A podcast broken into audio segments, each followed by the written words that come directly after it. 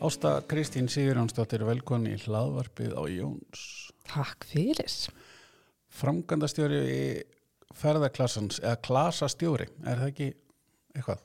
Það er alveg eitthvað til að vinna með, sko. er ekki?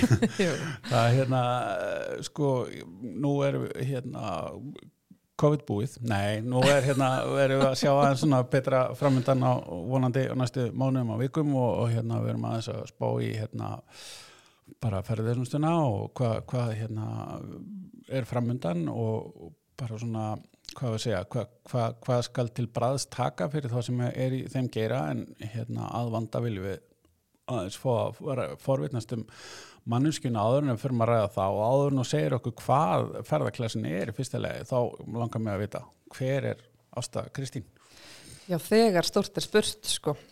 Ég er í grunninn þetta bara algjör sveitastelpa. Já, ok. Já, fætt á uppalinn á Östfjörðum og ég segi nú Östfjörðum að því að hérna, ég tengi við svo marga staði. Já, já, já. Ég fætt sem sagt í Neskustad og svo uh, flytti við til Reyðarfjörðars já. og ég elst þar upp bara út allan grunnskóla og, og hérna bara dásamlegt að alast upp í, í faðmi fjallana og fjörðarins. Ok, Og síðan bara fer ég eins og svo margir aðrir á þessum tíma já, bara í mentaskóla til Reykjavíkur og hérna byrja í mentaskólanum við Sund árið 1995 á því herrans. á því herrans ári. Já, vel Og- gert.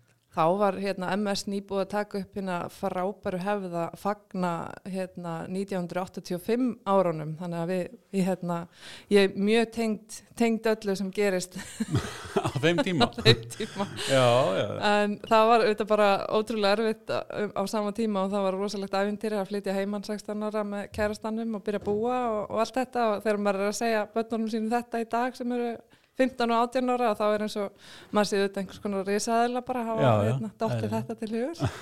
en þetta var auðvitað æfintýri og auðvitað kannski eitthvað sem að hérna, markaði svona ákveðna hérna, sjálfstæðisbaróttu og, og svona bara það að standa á einn fótum og, og vera svona sjálfsíns herra svolítið. Kannski eitthvað sem að hérna, rennur aðeins í blóðinu. Og klósettpapirinn og sjampúði kemur ekki að sjálfu sér og allt það. Það var, það var dýrkeift reynsla Mm. að hérna, þurfa að skrapa fyrir krónunum og, og hleypa út í búð og svona. Nei, nei, við feng- fengum auðvitað góðan stuðning og allt slíkt en, en líka vorum mjög ákveðin í því að við skildum gera þetta á, á eigin fótum og, og allt svo leis en auðvitað líka bara þessum árum vann maður bara mjög mikið og Já, maður auðvitað bara sapnaði sér pening og maður var bara rosa mikið að fara að segra heiminn einhvern veginn í, í því. Já, og það er kannski svona líka markað mann þetta bara byrja, byrja ungur að vinna og byrja einhvern veginn að eiga alltaf fyrir hlutunum og eitthvað slíkt og mm. Það er kannski ekkit endilega hefur, hefur fyllt manni nei, svo kom alls konar einhverjir já, þetta er eitthvað nýtt inn. já, Hvað hérna, eftir uh, hérna student, hvað, já, þá fer ég í tækni háskólan já, uh, Uh, sem að hérna reynda bara þá tækni skólinn og breytir síðan í, í háskóla sem að rennur síðan inn í háskóla Reykjavíkur. Já, og þar er ég hérna að læra uh, alþjóðar uh, markasetningu já, já og viðskiptafræði. Og útskrifast góð, ég vona að þetta sé ekki al, alvarlegur Nei, nei, þetta er bara vatn, vatni fóru ranga leið. Nei, Ok. já, og þar er, já, þar útskrifast ég sem, sagt, sem viðskiptafræðingur með aðal áherslu á alþjóða markasfræði Já, og ég fæ eiginlega svona hálfpartin krampa á hlátri þegar ég lesi yfir í rauninni og er að skoða það sem ég var að læra á þessum já, því að þá var ekki komin samfélagsmiðlar og þá Nei. var nú ekki markasetningin eins og hún er í dag kannski. nei, nei, akkurat. Þannig að hafi maður ætlað að vera markasfræðingu nummer 1, 2 og 10 þá hefði maður þurft að aldeilis að vera í endumöntun Já, bara á já, hverju já. einasta ári. En fræðin kannski þau sömu, svona á bakvið. Já, algjörlega, algjörlega. En Og bara, bara- miðlarnir og, og leiðina nýjar, já, Já, já, já, það. og það er svona líka bara hraðin í þessu öllu og Já, ef ég ætti ekki þessa úlinga í dag þá veit ég ekki alveg hvort ég næði bara að fylgjast Nei, með öllu nei, sem að í rauninni stendur fólki til bóða sem eru alveg útrúlega magnað Já. ma maður bara þarf að minna sig á það, maður þarf að vera í stöður menntun alltaf með, með þessa hluti. Algjörlega. En já já og ég hérna bætti síðan við mig þegar ég var búin að vera út á vinnumarkaðinum í, í smá tíma eh, verkefnastjórnun. Og það er eiginlega það allra hagnýtasta nám sem ég bara get mælt með. Eh, það eru auðvitað mjög margir sem að fara í, í auki stjórnendarnám sem er bara gott og, og vel og, og bara fólk auðvitað finnur sína, sína hillu í lífinu með það. en þetta nám einhvern veginn að því að við erum vinna í verkefnum, alltaf, það er allt verkefni í rauninni.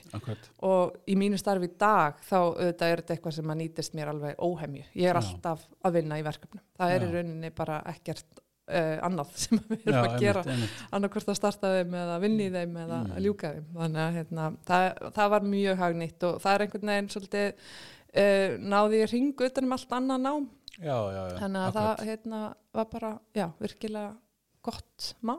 Já, ég, hérna, við erum að skoða það uh, það hljóma vel, ég maður er oft skoða þetta ég myndi að hugsa þetta uh, svona aukið nám og þá er einmitt verkefnastjórnun þetta, uh, þetta er góða punktur ég, hérna, uh, ég tek þetta allavega til mín nótir er þetta. Já, nótir er þetta, klárlega, klárlega En hvað hérna eftir nám var hérna beint í ferðarþjónustuna? Nei, ég hérna, var ekki svo heppin að kynnast henni alveg strax. Ég hérna, uh, eða kannski sem betur fyrir, því það er gott að læra meira og gera meira. Uh, við nefnilega ákvæðum það að flytjast aftur heim, heim og heim á slúðurnar þegar við Já, vorum búin með háskólanám og fluttum aftur til reyðafjörðar og byggum þar alveg í 12 ár. Þar störtuðu við jarðvinnu verktaka fyrirtæki mm, og, unnum, og maðurinn minn stýrði því og, og vann í því þangað til að við síðan fluttum aftur til Reykjavík. Og Ég vann þarna fyrir Íslandsbanka og við vorum semst, að koma á stað tveimur nýjum útibúum á Austurlandi þessum Mhm, tíma. Þetta voru náttúrulega gull aldar ár Austurlands þegar álverið var í byggingu og, og síðan komið á, á fót og allt slíkt. Þannig að ég, ég var bara full í því að hérna, markasetja nýjan banka já, já. á Austurlandi og bara læra ótrúlega marga hluti, pínlíti batn og einhvern veginn að láta hlutina ganga í og, og vera fullorðin einhvern veginn á, á svona æskuslóðunum var alveg svona sérstök tilfinning, tilfinning líka. já Við vorum mörg að flytja heim á þessum sama tíma og var bara ótrúlega skemmtileg stemning og, og bara ótrúlega, já, ótrúlega mikið svona reynsla sem kom þar í bankan. Já, En síðan fluttum við aftur til sagt í árslokk 2015 og, og þá fekk ég það tækifæri að taka við íslenska ferðarklasan. já, Já, áhugavert er. Hvað er íslenski ferðarklass? Já, hvað er íslenski ferðarklasan? Ekki, segi ég nú bara. Já, akkurat Íslenski ferðarklasan er þetta svona ákveðið fyrirbæri og það er útrúlega magnað sko, og ég getur eh, bara alveg pottið að sitja inn í allan dag og, og rætt um klasa og, og mikilvægi þeirra og allt slíkt. En sko, í dag um, er íslenski ferðarklasin fyrst og fremst eh, svona vettvangur fyrir nýsköpun og þróun ferðarþjónustunar og, og það ferðarþjónustu fyrir tækjana.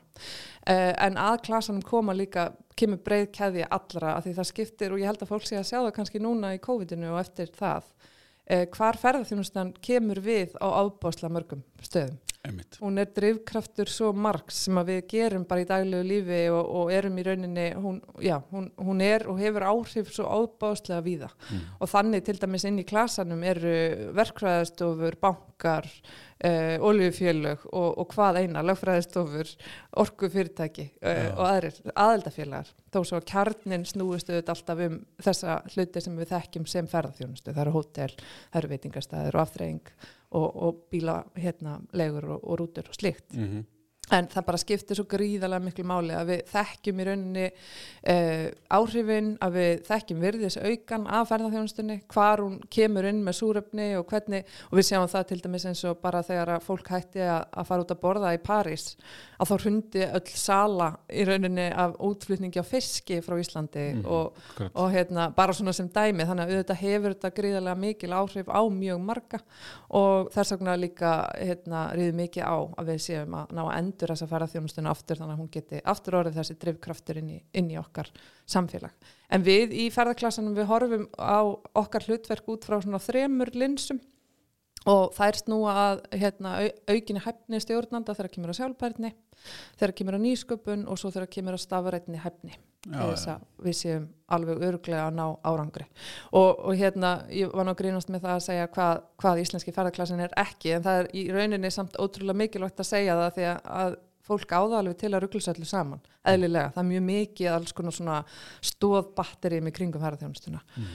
og þegar ég segi hvað hann eru ekki að þá erum við ekki markað sér til Ísland Nei, það er algjörlega í höndum Íslandsstofu að gera það. Mm. Við erum ekki að gefa út neinleifi eða að hérna, með einhverja vottunarferli eða eitthvað slíkt. Það er algjörlega ferðarmálastofa. Og svo erum við heldur ekki að berjast við stjórnvöldum um hérna, bætta lagasetningu eða, eða í rauninni að berjast fyrir atvinnureikendur gagvart ríkinu. Það er algjörlega hagsmunna samtökin sem samtök ferðarþjónustunar uh, standa algjörðan vörðum auðvitað á samt fleiru.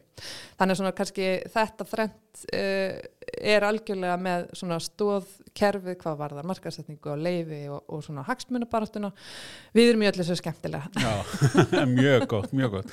En þá erum við að tala um eins og bara fræðslu, viðbyrði.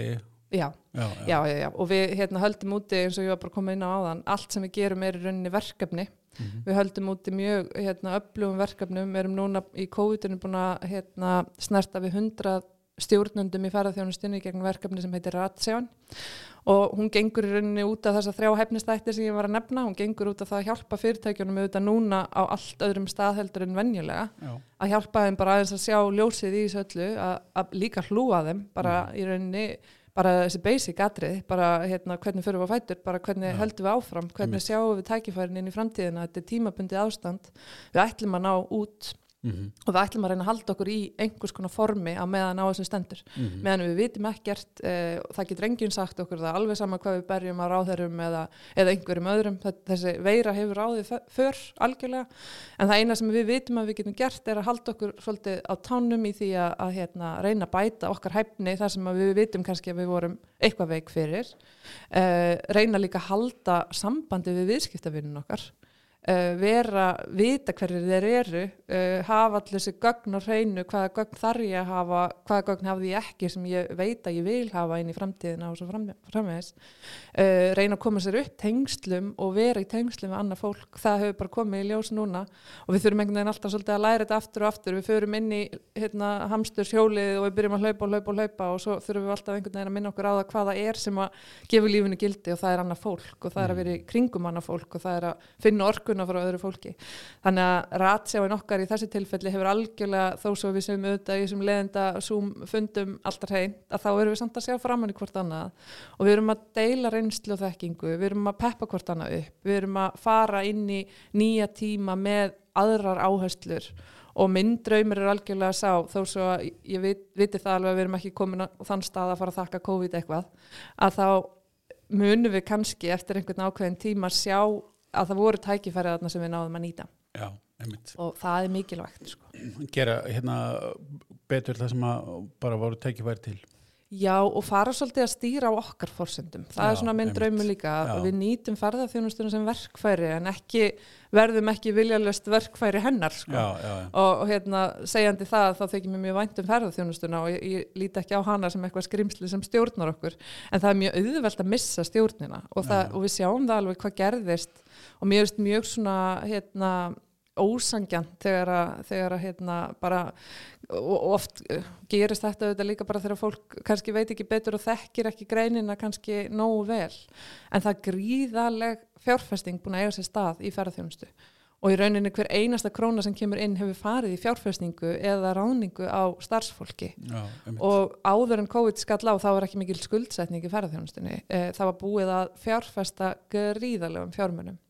Og það auðvitað er harkalegt núna þegar að tekjurnar eh, frjósa algjörlega Mm. fastar við Mm. botnin Uh, fjárfestingin er samt ennþá til staðar og auðvitað bankarnir búin að koma til móts við mjög marga og, og, og líka stjórnvöldu auðvitað með sínum aðgerðum búin að verða til þess að fólk sér að það, það mun ná til lands en Mm. það verður erfitt Já, og það verður og það tekur tíma og við erum ekkert að fara að ná þessu núna á næsta korterinu. Þetta, og, og fyrirtækin þurfa alveg að fara að setja sig í þann gýrin að, horfa 5, 7 og 10 ár fram í tíman með það að geta bara greitt á sínum skuldbendingum og, og ráðið fólk aftur tilbaka og, og, og slíkt á, á kjörum sem að hérna eru sangjörn og það allt. Mhm. Þannig, að- og það eru alltaf líka stór hlutur í ferðarþjónustunni að því við erum náttúrulega í alþjóða samkeppni að það gleymi stundum að, að laun á Íslandi eru náttúrulega mjög hámiða við þau lönd sem að við erum að keppa við í ferðarþjónustu já, þó svo ég ætla seint að verða svo manneskja sem að hérna ætlar að draga úr hérna launakröfum eða, eða öðru slíku. En við þurfum bara að setja þetta í samhengi og þess vegna skiptir líka tæknin máli. Ekki þar með segjandi að, að hérna, við ætlum að, að henda út fólki að því að tæknin sé svo mikilvæg heldur ætlum við að láta tæknin að vinna með okkur. Mhm, Það er alltaf gríðarlega margir erlendi starfsmenn sem vinna í ferðarþjónustunni og mér hefur sárnað rosalega mikið svona síðustu missirinn þegar, hérna, þegar við erum einhvern veginn, já, kannski ekki að gefa því fólki svona það kredit sem það klárlega á. Uh, við áttum ekki fólk til að vinna í ferðarþjónustunni þegar við byrjuðum hann gríðarlega vöxt á sínum tíma. Þannig að þá hérna, tóku við öllum fagnandi og núna einhvern veginn erum við kannski ekki alveg að tala þeirri verðingu alltaf Nei, til þess fólks. akkurat Þannig að við þurfum svolítið líka að vanda okkur bara í því að við erum auðvitað bara eitt lið, við, Mhm. við erum það fá að við höfum ekki rými fyrir það að vera í mörgum fylkingum mhm. þegar kemur að En endur. það að því að þessi kostnæður, launakostnæður er svona mikill og, og hérna, þá hlýtur að vera ennþá mikilvægur að passa upp á, uh, einmitt, eins og segir starfsfólkið og líka að passa upp á að hérna, þjálfa, fólki sem þú þjálfar, því það kostar að þjálfa nýjan að halda í hann og þjálfa hann rétt og svo framvegs. Akkurat, þetta er bara það sem skiptir öllu máli og það sem er kannski mesta ógni núna þegar við svona finnum að við erum að sigla á stað að mannauðurinn eru auðvitað ekki allir búin að vera að býða eftir því að ferðarþjónusta byrja á ný. Auðvitað er mikið að mjög góðu fólki bara farið í önnur störf Mm -hmm. Og það er ekkit endilega fólk sem við náum endilega tilbaka inn í ferðarþjónustuna þannig að þar auðvitað er komið ákveði gap og, Mhm. og hérna þar auðvitað þarf bara að brúa. Og að því að ég var nú einhvers staðar á miðri leið að lýsa því hvað ferðarglassin væri og hvað hann er ekki að þá er hann auðvitað líka mjög sterkur brúa smiður og við erum í miklu samstarfi við háskólana til dæmis líka sem eru aðilar að klasanum. Já, og þar skiptir auðvitað líka bara mentun og fræðisla gríðarlega Mm. miklu máli. Og við séum líka nýta rannsóknir að hagnýta rannsóknir og það hefur oft verið rosalega mikið gap og bil á milli þess sem að kannski háskólanir eru að rannsaka og það sem greinin síðan er að nýta sér. Já, og síðan öfugt af því að það má ekki gleyma því að veist, röddin má fara og það má keira báða leiðir yfir brúna. Mm Eh, það má líka koma með hérna, tilugur að rannsóknarefni til hérna, háskólaprófessor og þeir taka því fagnandi. Og það er rosalega oft þannig að við erum einhvern veginn eins og við séum að berjast í tveimur hérna, fylkingum hvað það varðar að einhvern veginn að akademían skilji ekki greinarnar sem við erum að vinna í og, og svo öfugt sko. Já, já. að hérna, það sé ekki skilningur og það sé ekki þekking og mentun og slikt en þetta bara auðvitað skiptir öllu máli. Ef við ætlum að vera að reyka gæða þjónustu þá skiptir hæfni og færni og mentun auðvitað gríðilega miklu máli. En þar komum við aftur að þá hækka launakostnaður og þá er alls konar kröfur og, annars líkt en, en við auðvitað viljum bara veita gæða þjónustu á góðum verðum og við hefum aldrei eins og við vorum bara aðeins svona að spjalla hérna, Mm. fyrir, við hefum aldrei að vera áfangastæður sem keppir í verðum. Nei, því að við erum gæða ferðastæður Mhm. eða áfangastæður sem mun alltaf kosta. Nú erum við að tala um einmitt líka hérna fyrir hérna spjallið að ég var að tala um það að ég var búin að bjóða fólki upp á svona enga þjálun í markasetningu nú hefur sko hérna ef að fólk, og fólk verið rosa ánætt með það að, að geta fengið svona smá insýn inn í það að því að oft er þetta fólk sem er marga hatta og þarf að sjá um bókaldi og þarf að sjá um allt og að því að þetta er svona lítil fyrirtæki. Eru einhverju svona resursar þar sem að er, fólk getur fengið og þarf að hjálpa þjálfa fólki í, í alls konar? Eru, eru, er, eru þið staðurinn til þess að hvað við segja, fyrirtæki geti hi- hérna að þarf að þjálfa nýtt starfsfólk eða hvað hva, hva gerir svona hinn almenni fyrirtæki eigandi sem að er, getur hann fengið sér einhverja hjálp í því að, að þjálfa starfsfólk? Ekki, við erum ekki með þannig í rauninni uppsendingu en við auðvitað aðstofum fólk við að, að hérna, komast inn í slíkt. Og það eru Já. auðvitað alls konar fræðslumistu atvinnulífsins er með hérna, alls konar úrræði. Eh, það eru alls konar úrræði auðvitað í bóði í gegnum hérna, skólakerfið okkar og, Mm. og svona námskeið sem er bóðið upp á mjög reglulega Eh, það sem við höfum og, og við í rauninni hérna, erum mun meira í því að, að hérna, koma með þessa almennu fræðslu og, og í rauninni stjórnenda þjálfunina já, já, já. uh, og í rauninni má segja að ratsjáin sé stjórnenda þjálfun svo erum við með verkefni sem heitir ábyrg hverðarþjónusta Mm -hmm. og þar erum við auðvitað með þjálfunarprógram líka sem að í rauninni er þá hugsa fyrir gæðastjórana og auðvitað stjórnendur og núna náttúrulega inn í ferðarþjónustunni eru auðvitað kannski ekki þessir stjórar allir og millustjórnendur Nei, lengur bara hreinlega fyrir hendi. Þannig að eh, auðvitað skiptir alveg gríðarlega miklu máli að þjálfa síðan starfsfólkið alla leið og hérna hæfnisötur ferðarþjónustunar hefur verið að benda á ímist námskeið líka uh, hvað þetta varðar. Þannig að við erum kannski meiri tengismiðurinn og brúasmiðurinn þegar kemur á því að fólk þurfi að, að hérna, finna námskeið eða meta hvaða hæfni þarf að þá, þá beinum við þeim í, í rétt, á réttar brautir mm -hmm. uh, en við erum ekki sjálfa reyka þannig verkefni. Nei, nei, en þið bendi ég einmitt.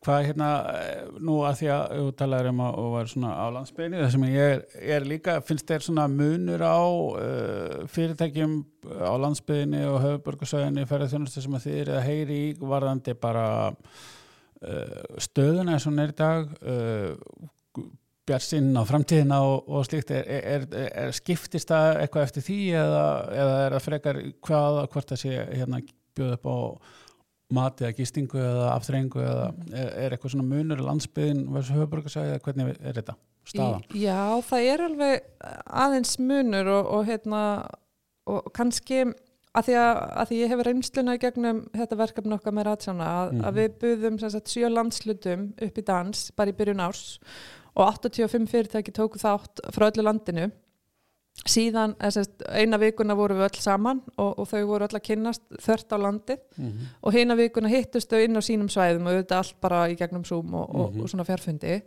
um, það, það sem ég hef líka sagt og ég hef alveg svo sem sagt þetta áður en, en það sem myndast rosalega sterk samstaða meðal fyrirtækja innan landsluta okay. og þau eru rosalega mikið vön því að vinna saman og keppa saman einhvern veginn og ég veit ég er ofta að tala um keppnir og hlaup og, mm -hmm. og koma með alls konar einhverja svona samlíkingar en þau eru í rauninni kannski líka því að þurfa svolítið að berjast meira fyrir svona bæði tilveru rétti sínum og, og því að vera inn á kortinu þegar það kemur að svona markasetningunni bara erlendis og, og við töluðum um hérna, lengi vel Ísland allt árið og, og, og fannst svolítið vanta að segja allt Ísland allt árið og þessa dreifingu ferðamanna og hérna, hvað sem við viljum svo sem kalla dreifingu ferðamanna. Við getum talað um að, að hérna, ebla landslutana og koma þeim betur á, á korti þannig að auðvitað ferðamennir dreifir sér sjálfur við erum svo sem ekki fara hérna, að gera það svo sem kannski mjög meðlægt en það sem að hérna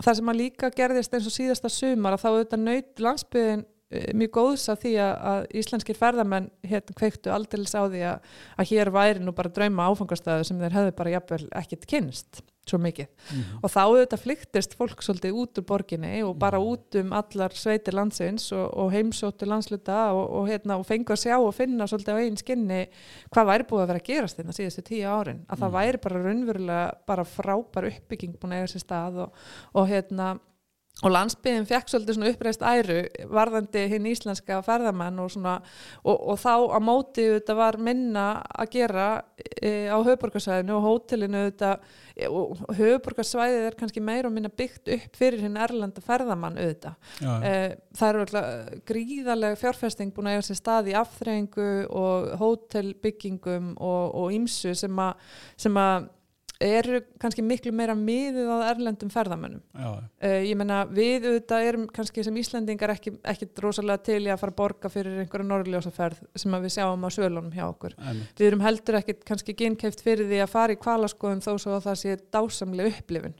uh, að því að við bara einhvern veginn erum vöna að hafa það og sjá það þegar kannski okkur hendar eða eitthvað slíkt. Meðan að erlendi ferðamenn bara gefa hægri hendlegin fyrir að fá að, að hérna, upplifa þetta. Ja, þannig að það er það er kannski mest í munum auðvitað ferðarþjónustúnum um allt land hérna, treystir gríðarlega á hérna, erlenda ferðamannin líka.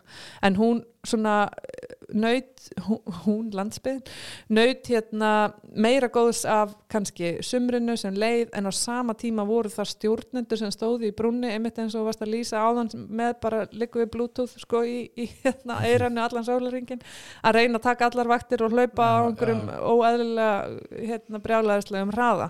Þannig að það er líka þetta ákveðin þreita og ákveðin svona hérna þeir, þeir sjá alveg fyrir sér að þeir eru kannski ekki tilbúinir í annað þannig. Sumar, núna er ég líka alhæfa eins og bara þetta sé bara eitthvað eitt á móti öðru.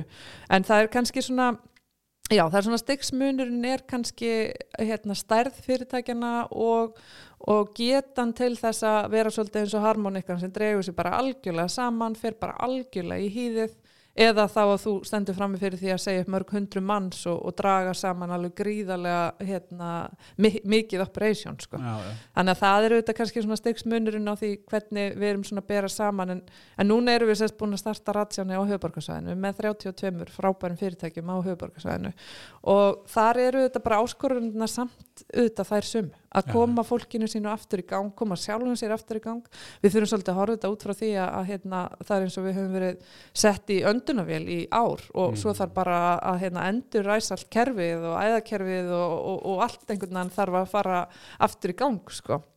Þannig að hérna, við þurfum líka að gefa okkur smá rými og tíma til þess að komast aftur á þann stað bara bæði í haustnum andlega og líka bara svolítið líkamlega sko, að hérna, við þurfum að fara að hugsa um alla þessar hluti sem við vorum, erum kannski ekki einhvern veginn búin að fá tækifæri til að hugsa um í átján mánuði akkurat. og það er bara alveg rosalegt sko. og ég veit ekki hvort að fólk almennt gerir sér grein fyrir því hvað þetta er svakalega mikið í rauninni mikil vinna sem er framöndan við erum núna að sjá alveg bara álæðislega bókanir og, og hérna, rosalega flott hérna, viðbröð sérstaklega frá bandaríkjunum Mm og meðan að við einhvern veginn kætumst öll og hoppum að, að þá eru kannski bara einhverju sem sita með kvíðan út í maðurinn Já. og hugsa með sig hvernig, hvernig ætlum við að gera þetta Já, og erum við búin að gera allt sem við ætlum okkur að gera til að bæta hlutina og erum við að fara að stýra betur og, og nægi í fólki mitt aftur og allt þetta þannig að Mhm. við þurfum líka að gefa því smá rými að, að, hérna, að já,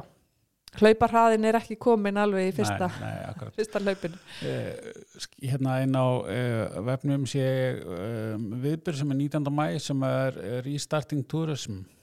Uh, hvað, ef þú segir okkur kannski aðeins frá því sem er hvað viðbyrðin hluti að starra verkefni stendur já Já, einmitt. Þetta er verkefni sem er einmitt hérna svona skólabókadæmi um, um samstarf milli háskóla og, og ferðarklassans. Eh, Þarna eru við bara fenginn til að koma inn með erindi og vera samstarfsaðilar að stórum viðburði sem að þetta er sem tengt uh, alþjóðlegu verkefni sem að Háskóli Íslands er hluti af og þeirra hlutverk var að halda ráðstefnu sem að snýri svolítið sko, það, það er svona Æronían í þessu er kannski svo að, að hérna, kaltæðnin að, um, þegar að þessi dagsetning var ákveðin held ég einhver tíma 2019 og þá átti sérst að tala um hérna overtúrisum já, og, og velta því fyrir sér hvort að Ísland væri þar eða ekki og þessi umræðin alltaf búin að eiga sér stað endalust og alltaf. Og ég hef alltaf kosið að tala um hérna, við værum með ójafnvægi við værum ekki með hérna, yfir eh, ferðarþjónustu, það verður ekki yfir flæði af ferðamönnum, heldur, heldur væri reynilega stýringin á þeim kannski ekki alveg nægilega góða því að það auðvitað koma mjög margir á, á fáa staði á sama tíma sem að auðvitað er ákveð hérna bara umhugsunarefni en, en þarna núna hérna auðvitað bara hérna svissuðu við þessum titli yfir í endurræsingu mm. og á sama tíma að ræða það hvað getum við lært, Mm. hvað höfum við lært hvað viljum við núna sem við vitum vitum betur að við viljum breyta já, og þessi hérna ráðstefna svolítið um það eða sérst þetta erindi e, snýst svolítið um það hérna bara hvað erum við að tala um þegar við tölum um endurræsingu já, erum við þá bara að tala um að við ætlum að fara back to basic og ég er að, hérna, ég er að sletta alveg ólega sem ég er ekki vön, ég bara byrst afsökunar á því. Erum við að tala um að við viljum bara fara tilbaka í, hérna, í það sem við vorum, Já. sem að var ekkit alltaf til fyrirmyndar. Uh, mjög margt, alveg frábærlega vel gert í íslenskri ferðarþjónustu og eiginlega næstu í flest. En við vorum í ósjálfbærum vexti þegar við uksum sem hraðast Já. og við vorum alveg hérna á handarhlupum að reyna að gera okkar allra, allra besta mm. en ég held að það séu fáir sem vilja endilega fara akkurat þangað aftur og við erum kannski líka bara að horfa til þess eins og ég sagði áðan að, að við viljum að ferðarþjónusta sér til á okkar fórsendum og að íbúar séu stoltir og ánaðir og séu áfram þeir geskjafar sem þeir eru af því að það skiptir auðvitað bara öllu máli þegar við erum að byggja upp áfangastæða að fólki finnist að vera velkomið þar sem það er. Og þetta hafa bara áfangastæði gert í kringum okkur með alveg frábærum árangri og bara hérna, nærtakast að taka færiðar sem dæmi. Er ótrúlega flottir í, í sínu kynningar og markasefni og, og bara sínu nálgun við þetta allt saman þannig að við getum auðvitað gert alveg ótrúlega marga hluti mun betur og ég, mér er mjög tamt að tala um sjálfbærni og mér er mjög tamt að tala um stýringu mm -hmm. að því við getum stýrt betur Já. við getum stýrt markaðsefnin okkar hva, við hvaða markhópa við erum að tala væntingastýring stýring er líka bara greiðalega stór hlut af því að fólk sem kemur ynga það gerir sér grein fyrir því að hér er ekki ódýrt uh, endilega að lifa uh, en gæðin munu fylgja uh, verðlægi Mhm. og þú mynd fá fyrir það sem þú, þú kaupir og, Mhm. og þú fer tilbaka ánaður með það vegna þess að þú fegst það uppfyllt sem þú taldir þig eiga þannig að það eru þetta bara gríðarlega mikilvæg þáttur líka og við þurfum líka þetta gríðarlega samkeppni í ferðarþjónustu og í afþreyingunni og öllu því. En við þurfum svolítið að gangi takt þegar við erum að segjast vera sjálfbær og við þurfum að gangi takt þegar við erum að segja að við komum vel fram við náttúrun okkar og við séum að stýra hér ágangi og við ætlum okkur að vera með þessa auðlind fyrir komandi kynnslóðu líka. Við erum ekki bara að, hérna, þetta er ekki einnóta Nei, Þannig að það er rosalega mikilvægt að við séum ekki veginn alltaf bara með þetta í orði heldur að við séum að gera þetta líka á borði mm og fólk sjáu það og þetta sé mjög bara skýrt og, og við séum stolt af þessum áfangastað sem Mm. mm. við eigum og þar má alveg segja að það eru þetta kannski ekki endilega keppnu um fjölda heldur miklu meira gæði og, og, og, þá ekki endilega magn sko. Nei, þannig að hérna, við tókum á móti 2,3 miljónum ferðamanna 2018 mm og aðeins færið 2019 uh, við vitum alveg að við getum það en við þurfum þá líka að vanda okkur alveg gríðarlega í því. Og, og hérna, þeir sem ætla sér að stunda ferðarþjónustu verða að gera það þá með heilum hug og með hjartað uh, þar Já, í rauninni.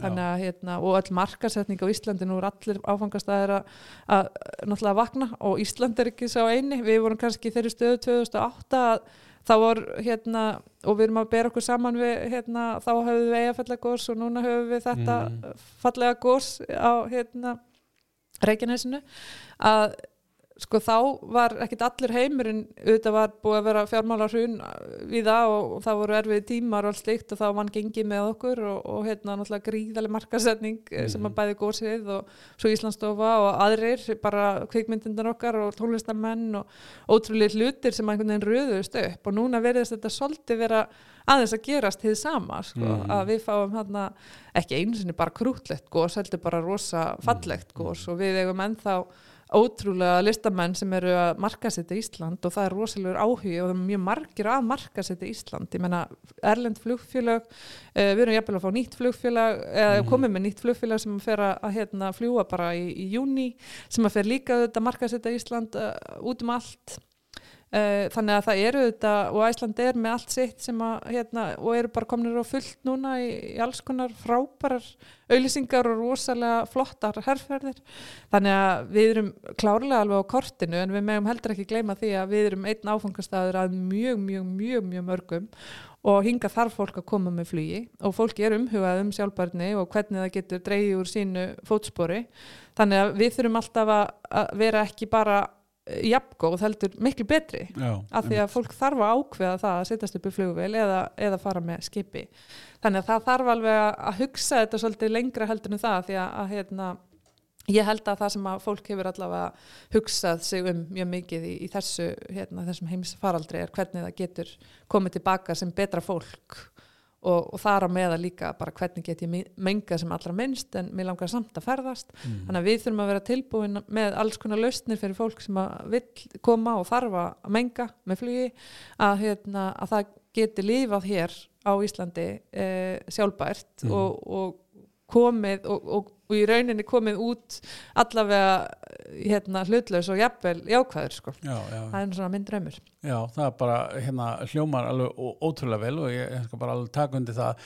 Sko svona kannski bara að lokum fyrir eh, eru einhverju svona viðbyrðir framöndan eitthvað annað sem að fólk eh, ætti kannski sem að er í að hlusta og hefur áhuga eða bara fara á vefin ykkar og fylgjast með er eitthvað svona sem að er planað framöndan Já, það er endar einn alveg geggjað viðburður framöndan og ég er svo glöð að heyra núna er, eru takmarkanir aðeins að ringast því að Mhm. 3. júni mm -hmm. og þetta kemur bara allt í ljós núna í vikunni og förum að dundra út en það er gott að það fréttist fyrst hér. Mm Uh, að 3. júni munum við halda hérna, Iceland Travel Tech uh, ráðstöfnun okkar sem að er þá í þriðja skipti núna sem að við stöndum fyrir þeirri ráðstöfnu með ferðamálstofu -hmm. Og við munum halda hana í, í splunkuným húsakinnum Glasans og margar annara e, í Grósku í já.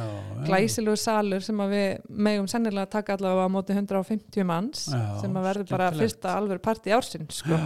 Og þarna erum við með svona norrænt ívaf e, á þessum viðbörði og við erum að fara að tala um e, bálkakeðina til dæmis e, í tengslum við ferðarþjónustuna og auðvitað bara er Iceland Travel Tech e, stefnum og tækni aðila og ferðarþjónustu aðila Já. þannig að við erum að fara að leggja á borði núna í rauninni bara þá tækni sem að við teljum að, að hérna, já, alltaf svona nýjasta og flottasta í, í bransanum í rauninni. Já. Þannig að þetta verður geggjað og 3. júni bara endilega takið daginn frá. taka, taka frá Herðu, spennandi, ég, hérna, ég laka til ég á eftir að fylgjast með, það er alveg á hreinu ég hérna vil bara fá að þakka þér kjærlega fyrir að gefa þér tíma til að kíkja til mín ástá og hérna bara, bara megu við eiga sem besta framtíði ferðarþjónustinu og, og hérna takk fyrir Klart, takk alveg.